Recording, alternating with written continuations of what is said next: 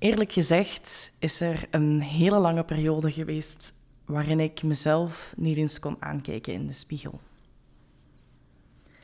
Hallo allemaal en welkom bij de derde aflevering van de Eerlijk Gezegd podcast. Ehm, vandaag gaan we het hebben over een heel belangrijke relatie en dat is de relatie met jezelf. Ik heb zelf uh, niet altijd een makkelijke relatie gehad met mezelf. Uh, een heel moeilijke relatie gehad met mezelf zelfs. Um, waar ik jullie vandaag ook wat meer over ga vertellen.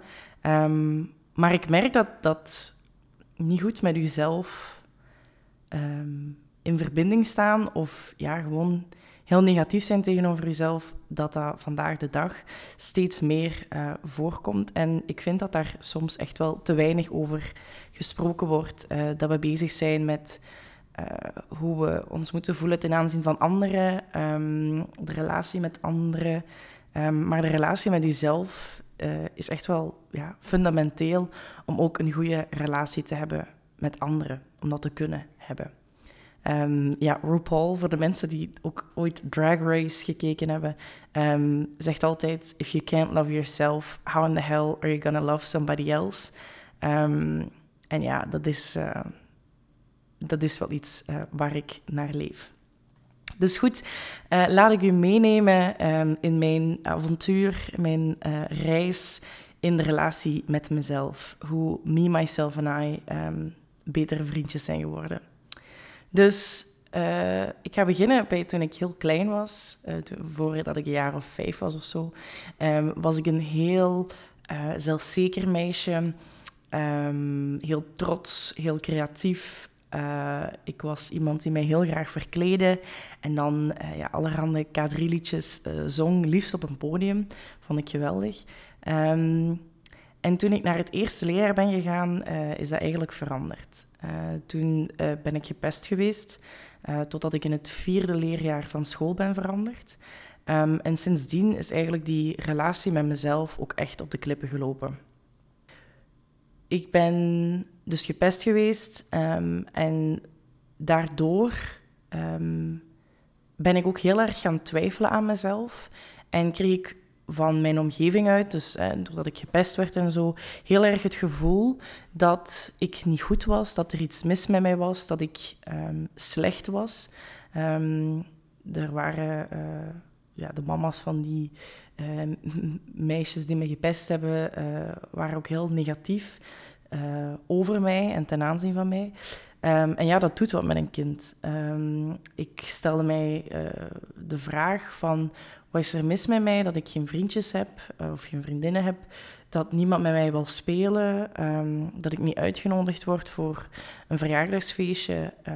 ja, dat was voor mij heel moeilijk. En toen ik dan van school ben veranderd, ja, paste ik niet in de groep. Ik was anders, maar ik kon niet per se erop wijzen of bij mezelf zien wat er anders was aan mij.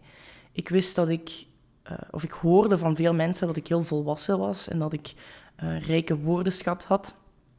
Maar ik had ook dingen doorgemaakt die andere kinderen van mijn leeftijd um, niet hadden doorgemaakt. Dus er was een grote kloof tussen hoe ik in het leven stond en de dingen waar ik mee bezig was en dat waar mijn leeftijdsgenoten mee bezig waren. Um, en dat gevoel van er niet bij horen, dat is eigenlijk pas opgelost geraakt uh, toen ik eenmaal op de universiteit zat. Dus dat moet middelbaar nog komen. Um, dus ja, middelbaar was voor mij ook heel moeilijk. Um, ik ben van veel vriendengroepen gewisseld. In die zin dat ik dan in het begin wel aansluiting vond bij mensen. En dat dat dan uiteindelijk stuk liep of verwaterde. Um, en doorheen die periode heb ik echt ja, een, een heel negatieve relatie met mezelf gehad. Uh, mij afgevraagd wat er mis met mij was. Uh, ik had ook echt een hekel aan een aantal van mijn eigenschappen. Um, zo uh, heb, had ik geleerd doorheen die, dat gepest zijn geweest, om dus hard te vechten voor aandacht. Um, in die zin dat op zich alle aandacht goed zou zijn. Dus ik durfde ook wel... Um, ja, ik ben sowieso wel iemand die luid is. En dan heb ik ook echt wel van daaruit op... Allee, geleerd. Om aandacht te krijgen moet ik luid zijn, ehm, moet ik aanwezig zijn. Ehm, en ja, ik, ik uh, vond dat hatelijk aan mezelf, maar toch merkte ik dat ik op feestjes of op momenten altijd de aandacht naar mij wou trekken. En toen ik dan uiteindelijk mijn slaapstoornis uh, heb gekregen, of die is er zo wat ingeslopen in het vierde middelbaar, ja, toen de relatie die al op de klippen was gelopen, ja, die ging toen, ik weet niet, toen is hem helemaal um, opgebrand. En uiteindelijk ben ik voor, uh, mede voor mijn depressie dan ook, um, maar ook voor mijn, mijn zelfhaat bijna, uh, ook in therapie gegaan. En toen heb ik daar ook moeten zoeken naar hoe het nu zat met mezelf. Hoe het zat met mijn relatie met mijzelf. En um, wat ik toen heel erg heb ontdekt, is dat ik met heel veel liefde en uh, warmte terugkeek naar die kleine Lena, die voordat ze naar het eerste leerjaar ging, die zelfzeker was, die creatief was, trots, altijd aan het zingen, aan het dansen, uh, aan het spelen. Uh, dat was kleine Lena, dat was de Lena die ik graag terug wou hebben. En daarna volgde dan de andere Lena, de middellena eigenlijk, hè, omdat ik nu grote Lena ben. Um, en die middellena, ja, die kon ik niet zien. Uh, die wilde steeds aandacht, die was luid, uh, niemand zag haar graag, of dat gevoel had ze. Um, die was vervelend, ja, die moest ik niet hebben. En dat ging zelfs zodanig ver dat ik voor hele lange tijd geen foto's heb kunnen bekijken van die periode um, nadat ik naar het eerste leraar ben geweest. Als ik zo toch zo'n foto's te zien kreeg, omdat op familiefeest foto's werden getoond, dan gaf mij dat zo'n ja, vies en onwennig gevoel. En ik werd daar heel oncomfortabel van. Ik vond dat echt niet fijn. En zeker nadat ik mijn slaapstoornis heb gehad, zijn er ook echt perioden geweest, ik keek niet in de spiegel. Als ik naar de badkamer ging, bij ons thuis, de badkamer, er hangt een heel grote spiegel. Uh, daar keek ik niet naar. Ik ging gewoon naar het wc. Dan ging ik weer terug. Ik keek niet naar mezelf, omdat ik gewoon alleen maar teleurstelling zag en, en frustratie en verdriet. Dus dat was heel moeilijk. En het heeft een hele tijd geduurd voor het voor mij mogelijk was om tot verandering te komen. En het keerpunt daarvoor is voor mij echt geweest toen ik mijn vriend uh, Jordi heb leren kennen. Door die relatie met hem is mijn relatie met mezelf ook beter geworden. En ik heb dat in de eerste aflevering ook al uh, benoemd. Maar voorheen, uh, omdat ik nooit echt die vriendengroep heb gehad, nooit echt een, een liefje of een vriendje had gehad, waar ik totaal mezelf kon zijn, had ik ook nooit geleerd hoe dat was. En toen ik dan uiteindelijk mijn nu vriend Jordi heb leren kennen en uh, daarin eigenlijk leerde of ervaarde voor de eerste keer iemand die mij graag zag, iemand die mij waardeerde, die, mijn, uh, die mij nam zoals ik was. Ik moest mij daar niet anders bij gedragen, ik moest daar niet minder moe zijn, hè, omdat ik dan met mijn slaapstoornis zat. Dat was allemaal geen probleem. Um, dus hij aanvaarde mij, hij zag mij graag voor wie ik was. En ja, dat, dat kon ik bij mezelf daarvoor nog niet. Ik kon mezelf niet accepteren zoals ik was.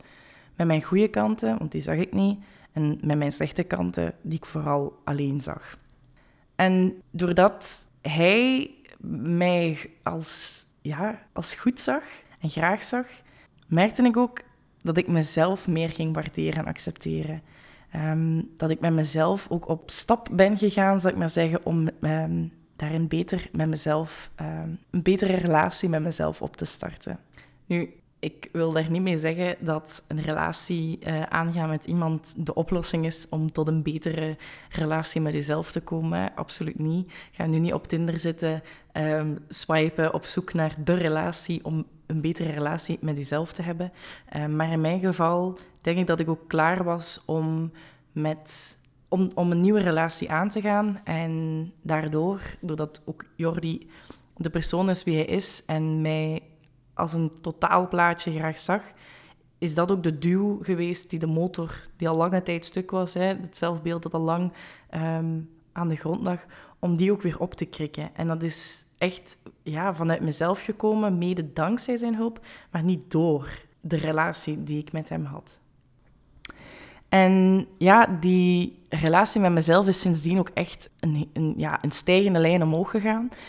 En als ik mensen daarover vertel, um, dan zeg ik altijd me, myself en I. En me, myself en I, dat zijn er drie. Hè? Dat is kleine Lena, Lena voor ze naar het eerste leren ging. Middel Lena, alles wat ertussen zit. En dan grote Lena, Lena nu, uh, van, nadat ik dus Jordi heb leren kennen. En het heeft me een hele lange tijd geduurd om alle vormen van mezelf te waarderen. Ik koesterde heel erg die kleine Lena. Dat was mijn, mijn trots. Dat was waar ik graag naar terug wou. Um, dus moet je dat inbeelden. Ik had die altijd op mijn schoot, zal ik maar zeggen. Hè, dicht bij mij, al zo geknuffeld, gelijk een kleine op je schoot. Um, maar die andere Lena, die het grootste deel van mijn leven Lena was, die mocht er niet zijn. Die stond daarachter, ergens in een hoekje. Um, ze, ze moest in de hoek kijken, ze mocht me niet aanzien. Uh, ik wilde haar niet zien. Uh, en het is pas totdat ik die andere Lena ook bij mij had kunnen nemen, dat die ook bij mij op schoot mocht zitten, dat die ook bij mij mocht zijn. Um, en ik ook haar zag als iemand met talenten, als iemand met eigenschappen die mooi waren. En niet alleen het negatieve, is ook wanneer ik meer mezelf ben kunnen worden en mezelf ook graag ben gaan zien. En hè, dat wat ik heel erg waardeerde van die kleine Lena was zelfstandig zijn, vol zelfvertrouwen, creatief, doet wat ze wil. Maar die andere Lena, die middellena, heeft mij enorm veel geleerd. Uh, die kleine Lena heeft mij geleerd over um, doorzettingsvermogen, wilskracht, over niet opgeven, over omgaan met moeilijke dingen. Dat is een heel sterke. En die is door zoveel geweest. Die heeft leren vechten voor zichzelf. Die heeft leren omgaan met moeilijke dingen om daar door te kunnen. Om met gemene mensen en met pijnlijke dingen te doorstaan. Die heeft ook geleerd om haar creativiteit op manieren te uiten, om wegen te vinden waar uh, voor anderen misschien geen wegen waren. Um, en dat is ook waar ik kracht uit putte van kijk, dit heb ik daar ook uit geleerd. Dat die Lena niet per se samenhangt met dat ze een slecht iemand is, maar dat ze iemand is die gewoon heel veel moeilijke dingen doorstaan heeft, wat haar gevormd heeft. En dat is wat ik ook zo belangrijk vind in die, in die zelfwaardering, in die zelfaanvaarding, die self-acceptance ook. Um, als ik kijk naar hè, waar die, die middelste Lena dan uh, doorgegaan is. Ja, Garm, het kind, uh, had zoveel doorstaan, um, ging door zo moeilijke situaties. En dan kon ze...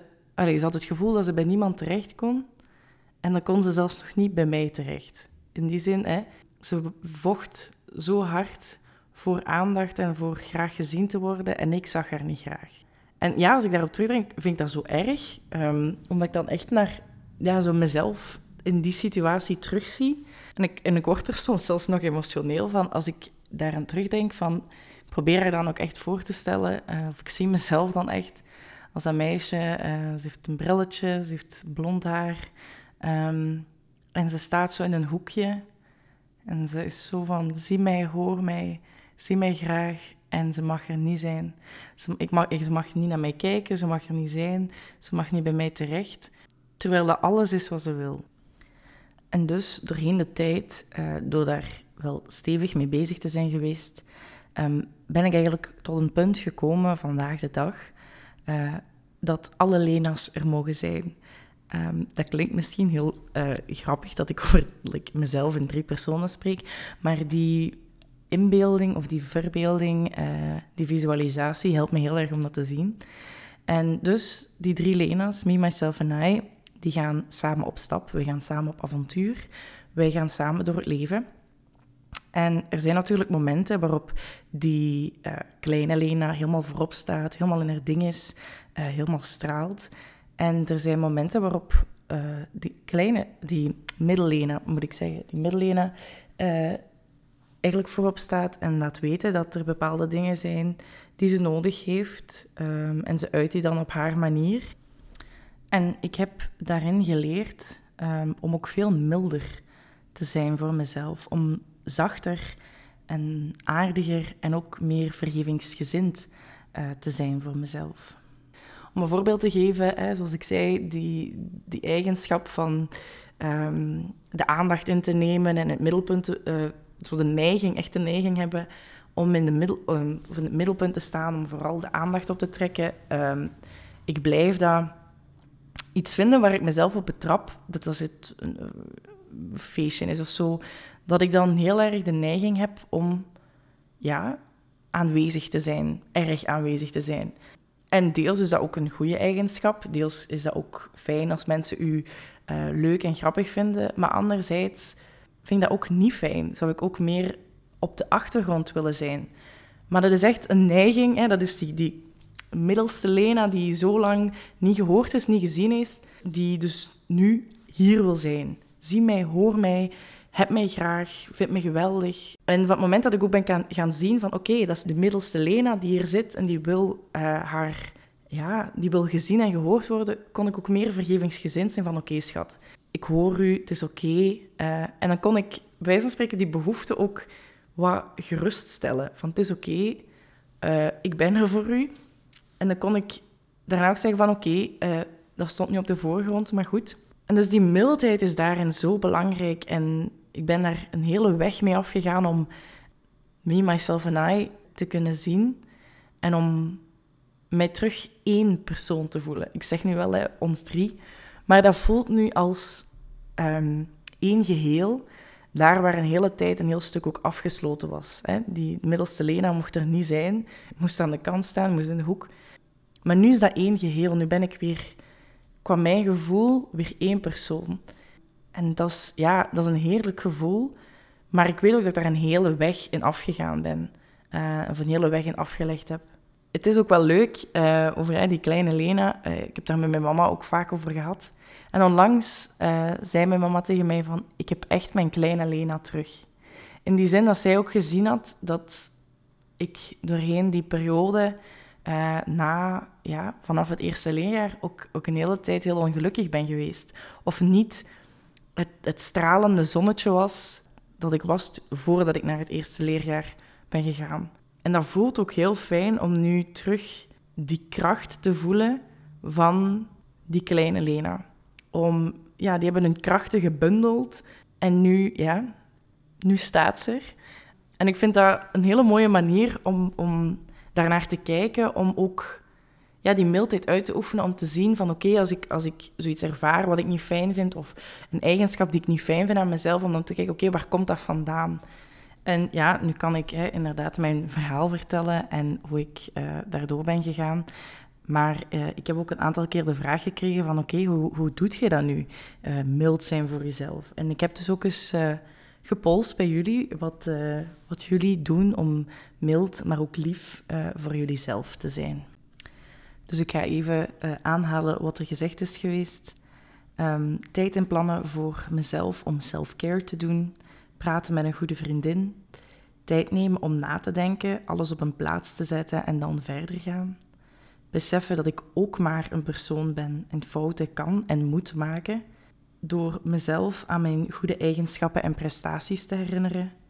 Mezelf eraan herinneren dat perfectie niet bestaat en fouten leerkansen zijn jezelf een schouderklopje geven, gaan wandelen en mezelf toelaten om niets te doen behalve genieten van de zon, mezelf eraan herinneren dat ik kan wat ik wil bereiken, mezelf motiveren, mezelf rust en me-time geven. En ik vind dat heel mooie um, manieren, of soms ook heel kleine manieren, om eigenlijk met jezelf um, ja, op stap te gaan en, en jezelf ook die rust en ruimte te geven om even te kunnen ademhalen, om even ook in het nu te zijn. Uh, want we zijn heel veel bezig met morgen en ook heel veel bezig met het verleden. Um, maar soms in het nu zijn en kijken, oké, wat heb ik nu nodig? Um, en daar ook proberen ruimte voor te maken, kan ook heel uh, fijn zijn.